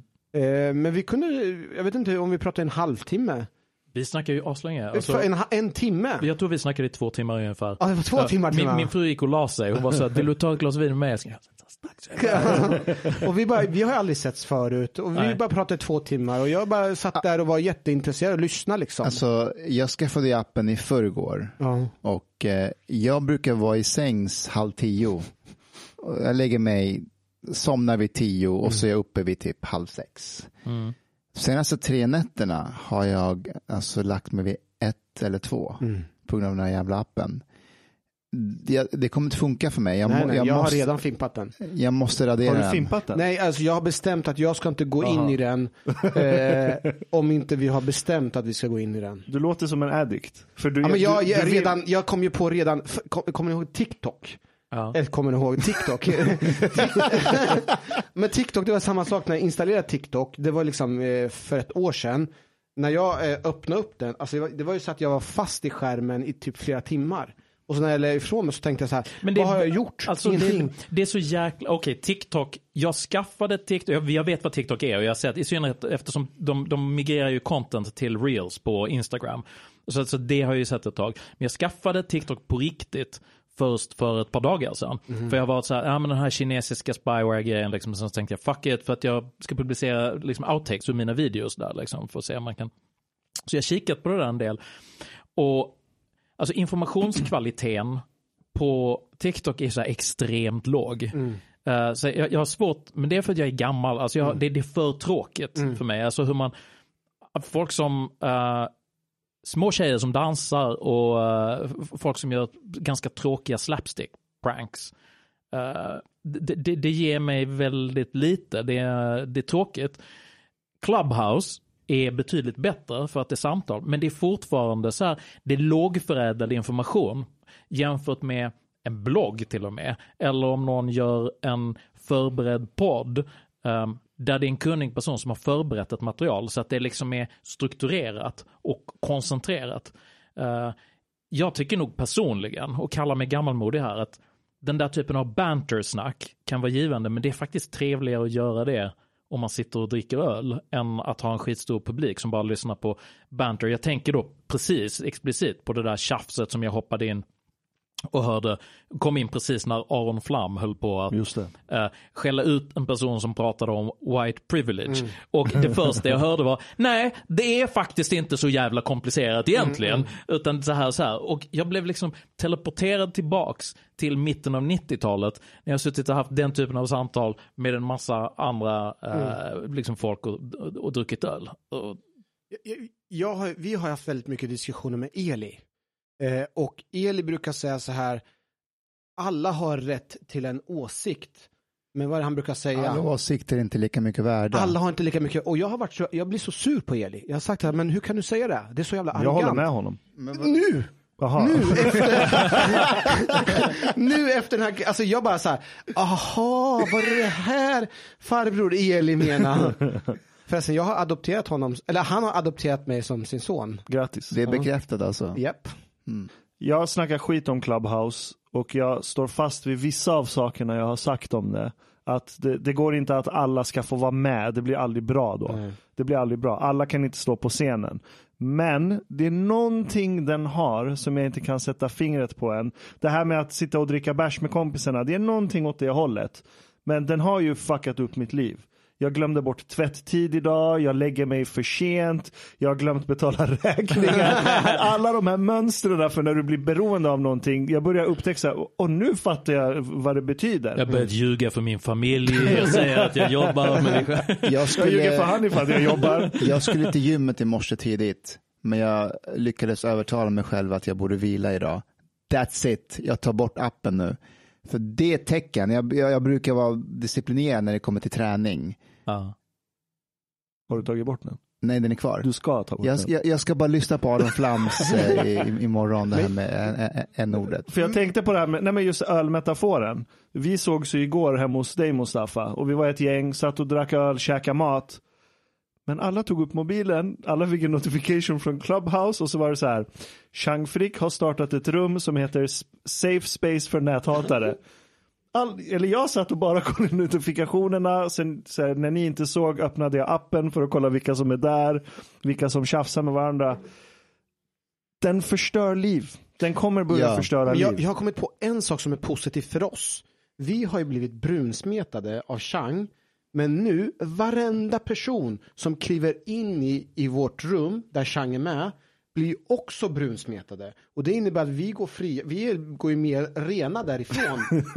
Hänger ni med? Som en Det, Gangesflod. säga, det innebär att varje gång någon tycker att vi är rasister för att vi umgås med Chang, nu är ju alla med Chang. Det var ju vadå, du- 500 personer. Du, du, du har en modell som innebär att brunsmetning är som pjätt. Ungefär. Så att, nej, nu har du det, du är brunsmetad. Du måste smeta någon annan det. Och ju, ju fler som smetas desto mindre smet, desto tunnare lager blir det. Det blir en annan färg. Ja.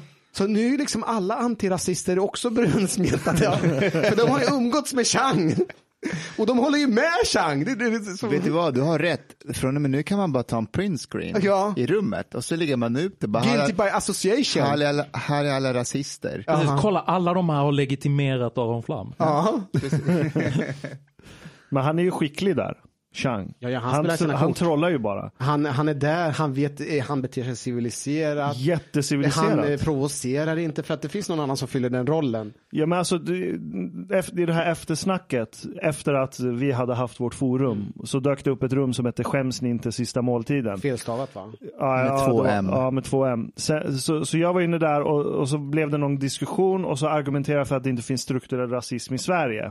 Och så dök det upp en Europaparlamentariker från Socialdemokraterna som la upp sin tes om varför det finns strukturell rasism och hon var väldigt mån om att vi måste acceptera det här för hon jobbar med demokrati och jämlikhet. Det är en ganska ny härskarteknik som alla kör med nu. Så på henne replikerade ju varför det inte finns strukturell rasism i Sverige. Då kommer Chang in. Eh, ja, Ashkan, jag vill bara korrigera att det faktiskt har funnits strukturell rasism i Sverige. Nej. Det fördes register på romer och du vet, min, min så här autor- Samer. samer.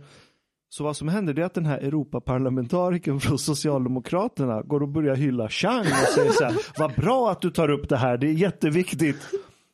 Så det är det han sitter och håller på med. Medan han handlar bitcoin samtidigt. Ja, ja, ja. Häromdagen var han inne på ett rum som hette Is bitcoin halal or haram? Och han var inne i flera timmar där, sen gjorde han en sammanfattning om det i ett annat rum. Förklarade för alla om, om det är haram eller halal. Alltså, där kommer ju juden i honom fram. För han vill ju att fler ska handla med bitcoins. och han går in och googlar, hittar argument. "Åh, Det är halal, det är halal, köp bitcoin. Han sätter judar mot muslimer. Ja. Men, men mitt nya, så här, om, om jag tvättar till exempel, som jag gjorde idag, det var därför jag var inne på Clubhouse. Jag var inne i ett konspirationsrum där de snackade konspiration mot eh, vaccin. Eh, och det var faktiskt jävligt kul. Och det var en stor grupp, 500 pers, ganska välmodererat för att vara en så här anti-vaxxer-grupp.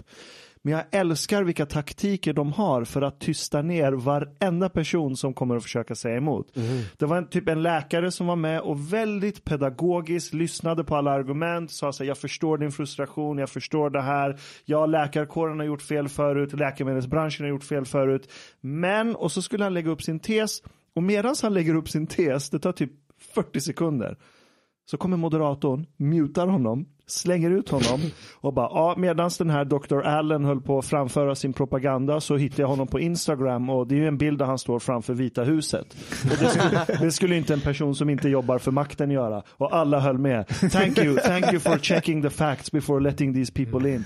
Det är helt underbart att se hur de här mekanismerna utspelar sig. jag tror att det är faktiskt den bästa metoden att, eh, att ta när man har med en konspirationsteoretiker att göra. Att inte lyssna på dem eller, eller vara, vara likgiltig mot det de säger. För om du börjar ifrågasätta, det är bränsle för dem. Det är det bästa de vet, för då ska de övertyga dig, för du är ett sovande får. Du, du har inte insett, du, du vet inte sanningen. Så det är bara så här, det bästa är bara, vet du vad, jag bryr mig inte om det. Det, det, det är liksom inte in, in, intressant för mig. Så här, ska, ska du ta vaccinet? Kanske, jag vet inte, vi får se. Men en grej jag inte fattar med just antivax, jag har hakat upp mig på dem. Jag är motsatsen till det Henrik, jag, jag, blir, jag går in djupt i de här. Det, det, så konspirationen är att Soros styr världen.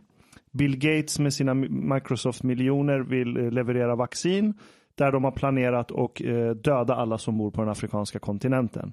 Mm. Och alla som inte håller med blir antingen mutade, utslängda ur rummen eller Google it and you will find out. Och då tänker jag så här, men alla som bor i Afrika, de har också datorer som behöver Windows. Och Google behöver folk som lever, som använder datorer mm. med Windows som de kan googla med. Alltså bara en sån enkel sak kan slå hål på hela grejen. Du är en del av problemet, Askan. Exakt. Exakt. Eh, och, och, det, och så jag, jag, jag, kan empatisera med deras dragkraft i det här. För det är jävligt skönt och tryggt att ha en teori som förklarar alla problem i Också världen. Också världens gemenskap. Tänk att du hittar andra som delar den teorin mm. med ja. dig. Ja, men en, en, en, så här, ett, ett karaktäristiskt drag för människor som har investerat mycket e- emotionellt och intellekt kapital i en viss modell av verkligheten är att benägenheten att försvara den är, är, är väldigt, väldigt stor. Uh, och uh, jag såg en kille på internet som hade en rätt kul grej. Han trollar konspirationsteoretiker genom att korsbefrukta olika konspirationsteorier. Så att han var inne i så här, ni vet truthers. Alltså de som tror att 9-11 attackerna var ett inside job. Han trollade dem genom att säga, för de har en grej som tydligen är så här att Ja men flygplansbränsle brinner inte på den temperaturen som krävs för att det ska smälta den liksom, strukturella integriteten i, i, en sån byggnad. Han säger yeah but you're not thinking about the chemtrails. That's not normal fuel man. Who knows what temperature that fire burns at? du Henrik, jag eh, har funderat på, på, en sak. Hur länge har du hållit på med dina eh, YouTube-kanaler? Det är ungefär tre år. All right. Eh, och under de här tre åren, vad, vad, är den viktigaste lärdomen du har dragit? Vad har du lärt dig under de här tre åren? Med att hålla på med YouTube och hålla på med att producera video och så vidare. Alltså jag, jag har lärt mig en del om mänsklig psykologi skulle jag tro. Uh, eftersom jag har fått kontakt med människor som jag inte skulle ha kontakt med annars. Um, vilket har lett till att jag tror att jag blivit lite duktigare på att uttrycka mig koncist för att undvika vissa typer av missförstånd som jag gjorde mig skyldig till, i synnerhet i, i början. Uh, Vad kunde det där vara för missförstånd? Jo, men exempel, ett exempel, konkret exempel på det, det är att jag gjorde en intervju uh, med Ehm, för, för, för, flera år sedan där jag framförde libertarianska argument på ett sätt som förutsatte att man hade ganska mycket förkunskaper om, uh, om libertarianism. Vilket gjorde att folk uppfattade det som att jag tyckte att kriminalitet inte är något problem. Där min argumentation var ju då baserad på att jag vill prata om ekonomin jag, jag bryr mig inte om kriminaliteten och tyckte, Henrik bryr sig inte om kriminaliteten. Han tycker att det ska vara som helst för att han gillar bara att vara rik och ta hand om sig själv. Där jag menar att löser du ekonomin så löser du roten till kriminaliteten. Och då menar jag inte bara så att, åh oh nej, socioekonomiska faktorer, vi måste liksom dela ut mer stålar. Utan även att man avlägsnar pullfaktorer. Till exempel, du drar ju till dig kriminella människor om du har så här eh, eh, en, en förvaltning som Sverige som är väldigt lätt att utsätta för bidrag exempelvis. Ja. Så att där hoppade jag över ett helt gäng tankesteg för att jag pratade med en annan libertarian liksom. Och, och då landade det i, jag får fortfarande skit för det. Folk som, ingen som tycker att uh, kriminalitet inte är någonting. Uh, så det har jag lärt mig. Att man kan inte förutsätta kunskap utan varje gång som du uttrycker dig publikt på det där sättet så måste du göra det med hela argumentationskedjan i någon form av komprimerad form. Så att du får alla med dig för att annars kan du få en hel skog av människor som får helt fel idé. Vill, vill du veta en sak som jag fick reda om Henrik? som jag faktiskt tänker ganska ofta på, som jag tycker är så jäkla fascinerande och säger så mycket om så livet och att äpplet inte faller så långt från trädet. Henriks pappa, eller på pappas sida, har ju sedan tillbaka till 1500-talet. Alla har varit präster. What? Mm. Henrik är den som bröt trenden genom att inte bli präst. Men är det inte det han är? Och vad, sa inte din pappa det till dig? Att så här, din församling är bara på YouTube, det är enda skillnaden? Typ mer Du håller på och predikar. Ja, ja, jag exakt. gör. Ja, det är men, det jag, hans ja, pappa men, sa. men precis. Jag, jag tror själv att det är typ min predikogen. Mm. För att det kommer ganska naturligt till mig att hålla den typen av monologer. Och liksom, vem gör det egentligen? Eh, Så att, så att jag, jag, jag tror att det är sa- samma sak, förutom att jag inte gör en religiös argumentation. Ja. Och, och, och, du ska veta att när, när jag liksom startar dig på, på YouTube så det är någonting med dig som gör att jag måste se klart videon. Jag kan inte pausa. Det, det är någonting som drar mig i dig på, på, på något märkligt sätt. Jag vet inte om det är Det är religiöst eller? eller vad det är. Men, men man fastnar för dig Henrik. Jag gillar det också. Henrik sysslar inte med bachebazi. Nej, men jag, jag, jag tror, eller jag kan bara spekulera att det, det, det, det lär finnas någon sorts genetisk faktor i det där.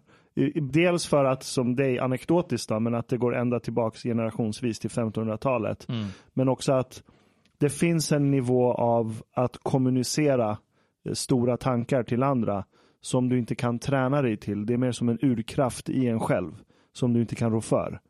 På samma sätt som att man dras till någon viss smak eller något, något annat. Du, du kan inte rå för det. Mm. det. Det bara finns i dig och du kan inte trycka ner det. Eller trycker du ner det så kommer du bli deprimerad. Men du, jag, jag tror det där är en så himla intressant grej för med kreativitet eh, etc. Och jag, jag tror att det gäller egentligen alla som är hyfsat duktiga på att göra någonting oavsett om du håller på med liksom isdans eller konst eller du skriver eller du uttrycker dig. Så, så är det så här att jag, jag studerade och praktiserade buddhism under, under ganska många år. Och, och min, eh, när jag bodde i London, min, min eh, lärare i zen-buddhism, han, han eh, vi, vi ägnar oss då åt en form av tyst introspektion kan man säga. Så att man, man lär sig se när tankar formeras. Och man, man, det är lätt att man förväxlar den tankeassociationsflödet med att man själv är agenten som, ligger, som är den drivande faktorn bakom de tankar som formuleras i huvudet.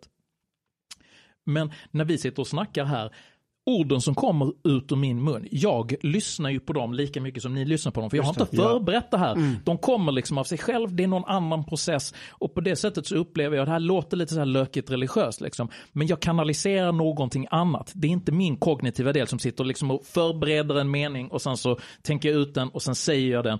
Utan det, det är ett annat, annat flöde. Och när man hamnar i så här riktigt flow, så kan det bli en slags ganska magisk stämning. Att det blir så att jag typ lär mig saker själv genom att jag försöker berätta någonting för andra människor. Att typ det skapar ny kunskap. Och, och jag, jag har snackat med liksom folk som är så duktiga ehm, bergsbestigare till exempel, som har beskrivit samma sak. Alltså när jag verkligen så gör det där på riktigt så är det som att jag förlorar en, en hel del av mig själv som bara är brus och blir så här, det, igen det låter lökigt, jag blir ett med berget. Det är bara den här processen som händer. Kan, kan, ni, kan ni känna igen den? Det är en slags nirvana. Ja, men jag känner igen mig, när- jag håller på och skriver eh, en självbiografi och, tillsammans med en eh, författare. Och eh, han intervjuar mig och sen så skriver han ner och sen så får jag läsa igenom det. Och någon gång när jag, när jag fick läsa igenom det och så bara så här, vad fan är det här för text? Vem, vem, har, vem har sagt det här? Det här är så genialiskt. Har du kommit på det här? har du kommit på det här? Nej men det är du Hanif. Så bara, What? Har jag gjort det? Och det är det här, jag, jag trodde inte själv att jag hade sagt det här. Men det där lökiga, jag kan koppla an till det. Jag gjorde ju musik väldigt länge för länge sedan. Och det är inte alltid det skedde. Men någon gång då och då när man har tur så hamnar man i ett stadie där du tänker inte, du anstränger dig inte. Du glömmer bort att du är hungrig, du glömmer bort vad klockan är. Felvandring. Och så sitter du där i 12 timmar i sträck och så har du gjort en låt och bara hur fan gjorde jag den här låten? Och du kan inte förklara varför du gjorde varje steg som du gjorde. Den bara skriver sig självt. Ja. Och det enda förklaringen jag har är att man kanaliserar någon kraft i universum. Det är skitlökigt. Är det inte men det som kallas för flow? det är state of flow Flow. och det, kommer, det har börjat komma forskning på det. Så det finns ju magnetröntgenstudier, hjärnstudier där man ser att hjärnan beter sig väldigt annorlunda under flow state. Men det jag har lärt mig det är att den kommer inte till mig först. Utan jag, då och då kommer den. Jag kan aldrig planera när den kommer. Så enda sättet att fånga flow state det är att jag sitter så här.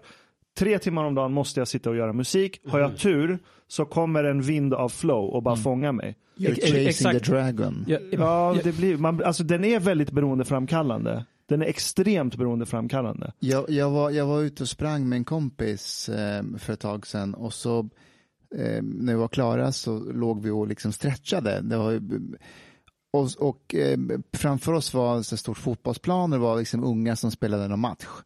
Och medan vi stretchade så tittade jag på de ungarna springa omkring och du vet. Och jag blir helt hypnotiserad av dem. Och observerar dem och märker efter ett tag att jag, jag har typ blivit dem. Alltså jag minns, jag mindes hur det var när jag var i deras ålder och spelade fotboll. Där jag tänkte inte på något annat än fotbollen. Det var inte så här, vad ska jag äta ikväll? Vad ska, vad, vad ska min, vad, det var fotbollen som gällde och ingenting annat. Det, och jag tog det för givet då, för att alla har väl det här. Men hur mycket jag, jag kan sakna det idag. För att det är få gånger de kommer. Men när jag var, när jag var liten, jag var ute och spelade fotboll varje dag.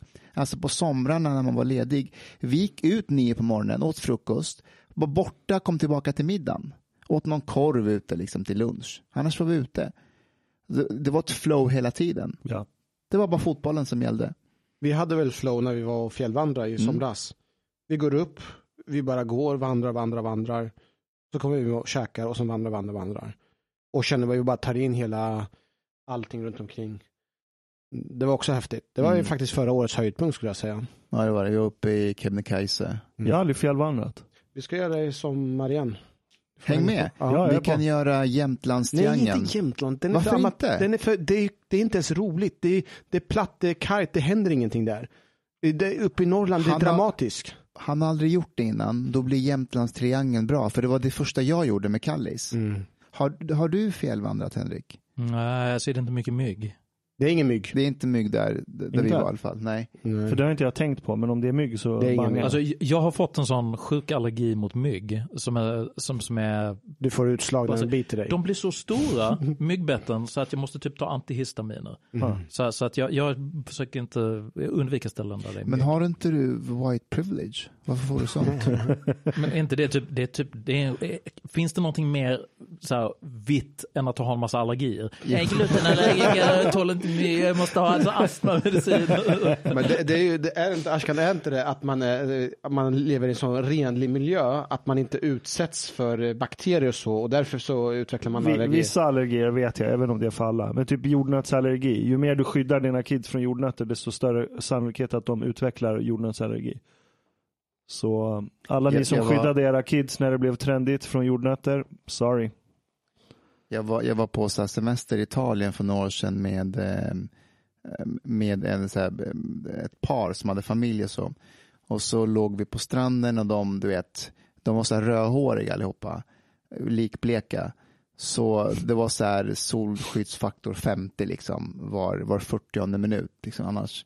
Och när, de, var, när vi låg där på stranden och liksom, det var 30 graders värme och jag ser dem liksom, alltid insmörjade i den här liksom, vita klägget och det bara rinner och de måste, han måste smörja huvudet, han är rakad. Och så tänker jag så här, det här med att ni skulle vara den överlägsna rasen, I don't, I don't get it. här, jag ligger där, liksom, ja, jag behöver inte en solskyddsfaktor och de, bara, de måste skydda sig hela tiden. Rasism är ganska korkad på många sätt. Japp. Varför det blir roligt. Mm. Det var bara det jag ville säga. Är du friluftig, Henrik? Så här, Nej. Nu ska vi ut i skogen, plocka svamp, skidsemester. Nej, inte det minsta. Alltså, jag tolererar naturen. Eh, men men eh, det, det är inte... Alltså, jag är en cerebral person så tillvida att jag stimuleras av begåvade människor och eh, att, att umgås runt idéer där jag lär mig nya saker. Och sen så när jag tog min jägarexamen och sådär liksom, så hängde jag rätt mycket med jägarfolk och ett av mina bolag arbetade eh, rätt mycket med jägarnäringen och sådär. Eh, Ja, Då- Hur då? eh, vi, vi har gjort en virtual reality träningsmjukvara för eh, jakt bland annat. Huh. Som är ascool. Du får testa den någon gång om du uh, har vägarna förbi Malmö. Det är jättecoolt med riktig, riktig gevär liksom med, som har vi gjort om till en gaming Mm. controller. Så det är en eh, älg som bara går omkring och så ska man skjuta den. Uh, Älskar du förminskar allting? Nej men vadå? Det är inte... Är det bara en älg som men går det är runt? inte förminska, det är väl en helt relevant fråga. Alltså fattar du hur svårt? Du, det, det här säger mer om dig än om oss. Du vet inte hur svårt det är att skjuta. Det är skitsvårt och att kunna få till en rörelse av en Alltså en av kritiken mot oss poliser är ju att vi får inte lära oss ordentligt. Alltså vi, vi lär oss ju bara skjuta mot eh, stående mål. Och det är ju problem för oftast så rör sig ju människor. Det är skitbra om vi har programdrängar som rör på sig. Det, men den, den primära grejen som den där mjukvaran är bra på, det är att om, om, inte, om inte ni är, är vana vid att använda eldvapen så är det så att rörligt mål innebär att man måste ha framförhållning på skott. Det, det innebär att, för att det tar tid för kulan att, att, att röra sig, så du måste, du måste veta kroppsligt, du måste känna liksom rent proprioceptivt eh, var du ska släppa skottet och med förväntningen om att ett vildsvin som springer i en viss hastighet kommer att uh, vara på en punkt där kulan Jag träffar. har, all, jag har alltid varit sniper när jag har spelat datorspel. Alltid. Okej, bara, Så väldigt, jag, vet ex, jag vet exakt vad du snackar om. Ja. Ja, men. Mustafa, Och vind, vind, vindstyrka men, måste men, du kalkylera. men anledningen till att jag började snacka om, om det här, det var ju just att jag kom i kontakt med människor, för många jägare är ju eh, stora naturromantiker. De, de gillar liksom skog och vildmarksliv överhuvudtaget. Och jag kan ju attraheras av så här, liksom vattenfågeljakt, så där det händer rätt mycket, där det kommer mycket fåglar, eller möjligen drevjakt, liksom, där det är hundar som, som driver ut, så att det kommer lite eh, djur som man får skjuta mot. Eh, men med, medan då lite mer hardcore jägare är så här att ah, älg, sitta på älgpass, då, då sitter man liksom på i ett torn eller i en stubbe, kanske i sex, sju timmar sådär och bara väntar på att det kanske ska komma en älg. Och sen så, har jag, så är det vissa som har sagt så här liksom, det bästa passet, det är när det inte kommer någon älg. Det är, hard, alltså, det är hardcore. För mig så är det, det, det, ditt paradis är mitt inferno. Liksom, Jag är så understimulerad så att jag hade ju tagit fram telefonen efter fem minuter och, och var ett par i alla tycks. Clubhouse. Skapar ett rum. Jag, jag har väldigt svårt att se eh, dig meditera. Ja, Jag, har du gjort det någon gång? Han är ju Han är för fan zen-buddhist. zen-buddhist. jätte, jättemycket. Är det sant? Under, under um, 12 års tid så mediterade jag minst två gånger om dagen. Två gånger. Wow. Ja, morgon och kväll. Hur, hur länge? Uh, det- först så ägnade jag mig åt en meditationsform uh, som kallas vipassana.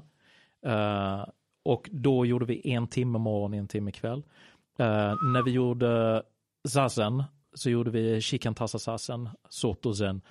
Uh, och Alltså då- det här mantran eller det här en meditationsform? det, det är namnet på sotosen, det, det är det som man brukar prata om rinsai och soto, det är som protestanter och katoliker, det är olika flavörer på, Mhm. på, på samma grej. Liksom.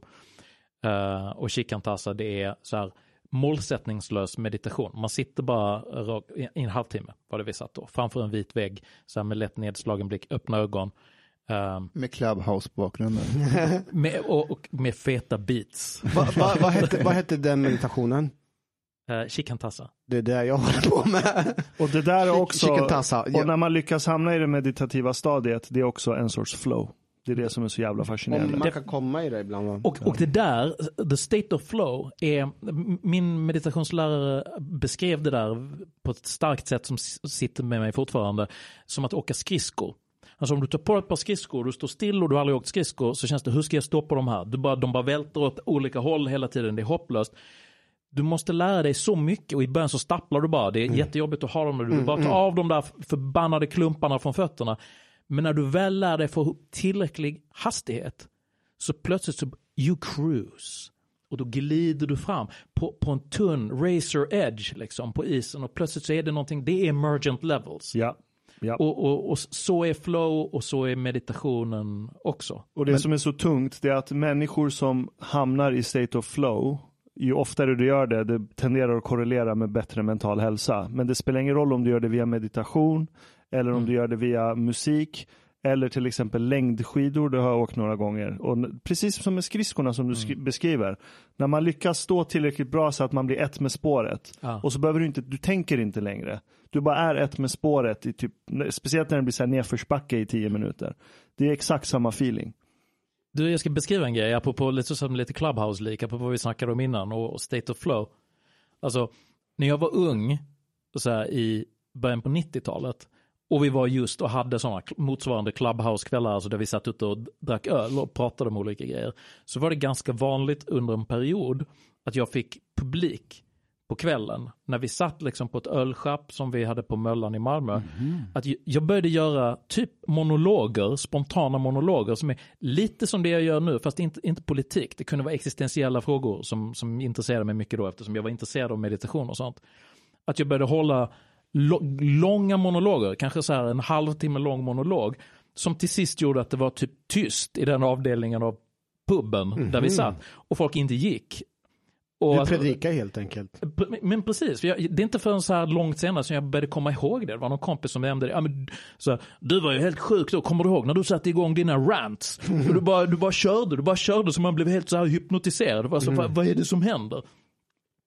Eh, och då tänkte jag, det, det, är ju, det är ju den. Ja. State of flow, att någonting öppnas liksom. Och när jag tittar tillbaka på det där, så att det var inte jag, utan jag kanaliserade någonting. Yes. När du beskriver den medit- meditationsmetoden där man sitter och stirrar mot en vit vägg i en halvtimme. Alltså det är någonting jag väldigt gärna skulle vilja göra, men jag ser redan hindren framför mig att göra det där. För det första jag ska tänka på klockan hela tiden. Har det gått? Hur mycket har det gått nu? Hur Mm. mycket är det kvar? Du får sätta ett lamm på telefonen. Bara det, när kommer det larmet att gå? Alltså, Men det är väl vanligt att man tänker så. det är det jag menar, Ja. att det skulle stressa mig. Men, Att- vet- men vet du vad, det är okej. Det, så det som är grejen med Shikantasa, det är så att det spelar ingen roll. Det spelar ingen roll vad innehållet i ditt medvetande är. Det är Bara hela grejen. Bara sätt dig ner och gör det. Klättra upp för ditt jävla berg eller åk skridskorna även om du stapplar fram. Bara gör det. Bara gör det. Om du tänker på sex, om du tänker på vad klockan är, om du tänker på att du har ont i benen för att du sitter på golvet eller du bara liksom hela tiden stressar över någonting som du ska göra sen. Då är det ditt, the contents of your mind at that moment. Och en, en, en annan metafor från den meditationstiden var om du tänker på att ditt medvetande är som en spann full med olika grejer som du har fyllt i den där. Det är sand, det är lera, det är lite juice, det är en skvätt Red Bull, eh, några prylar från barndomen, en Star Wars-gubbe, allt möjligt. Och när du reagerar på de grejerna så är det som att du kör ner handen i spannen och rör runt. Och för att säga, jag måste hitta någonting här för det är en sån jäkla röra. Meditationen är att ta handen ur. Och det kommer vara rörigt och det skvalpar i den där spannen. Men om du väntar så börjar den lugna sig och alla partiklarna börjar sjunka till botten av spannen och en del av det där vattnet blir klart. Och då kan du se allting som är i spannen. Och så, ah ja, där är den, där är den, där är den. Det blir klar, mycket enkelt. Men Så- Mustafa, du, du kör väl meditation fortfarande? Alltså grejen är att jag, jag är en periodare där. Mhm. Och när jag gör det, de där tio minuterna, jag, jag har Sam Harris app, eh, Waking Up. Eh, jag mår så jäkla bra under de här tio minuterna varje dag. Jag känner mig närvarande med mig själv och, och allt det där. Nu med den jävla clubhouse, nej men. Eh, jag har ett brus i mitt huvud hela tiden. Det är, när jag inte mediterar så känner jag en så här tvång att ständigt stimulera min hjärna och om jag inte gör det så slösar jag tid. Jag, jag, slö, jag lär mig ingenting. Jag har en Ja. jättebra gateway drug till dig. Eh, Jag har provat Sam Harris. Den, den funkar, men jag tycker inte den har kapaciteten att dra ner dig i ett meditativt stadie där du får flow. Eh, Däremot om du kollar på YouTube, Alan Watts. Eh, Förutom att han var filosof, men han var jä- alltså det finns så mycket content med honom på YouTube kring så existentiella frågor, allt möjligt i livet. Asskön snubbe. Men det finns två videos, de heter någonting med så här Meditating with Alan Watts. De är en och en halv timme långa. Eh, det är en riktigt bra gateway drug. För, och det är zazen han håller på med. Jag vet inte hur nära det är det du, du gjorde. Är det zazen? Alan Watts, Ja, han håller på med zazen. Hur Ja. annorlunda är det från det du gör? Eller gjorde? Nej, det är nog ganska snarlikt. Alltså, sen så är det så att när folk verkligen går in i det där så kan nyansskillnader i hur man gör det bli väldigt, väldigt viktiga. Just den linjen som, som jag eh, praktiserade var väldigt noggrann just med att det skulle vara helt mållös. Alltså du har ingen ambition med det. För att ambition innebär att du stoppar ner fingret i spannen. Um, så att du ska inte ge dig själv easy escape i form av till exempel att följa andetagen ut och in genom näsan. Det är en populär grej när jag gjorde um, Vipassana till exempel. Då ska man känna olika delar av kroppen. Men det är också en leksak för medvetandet. För du sätter aktivt din uppmärksamhet någonstans. Istället att bara, du ger dig själv ingen respit. Det finns ingenting för dig att hänga upp den på. Utan det är helt fritt, du bara sitter, bara sitter.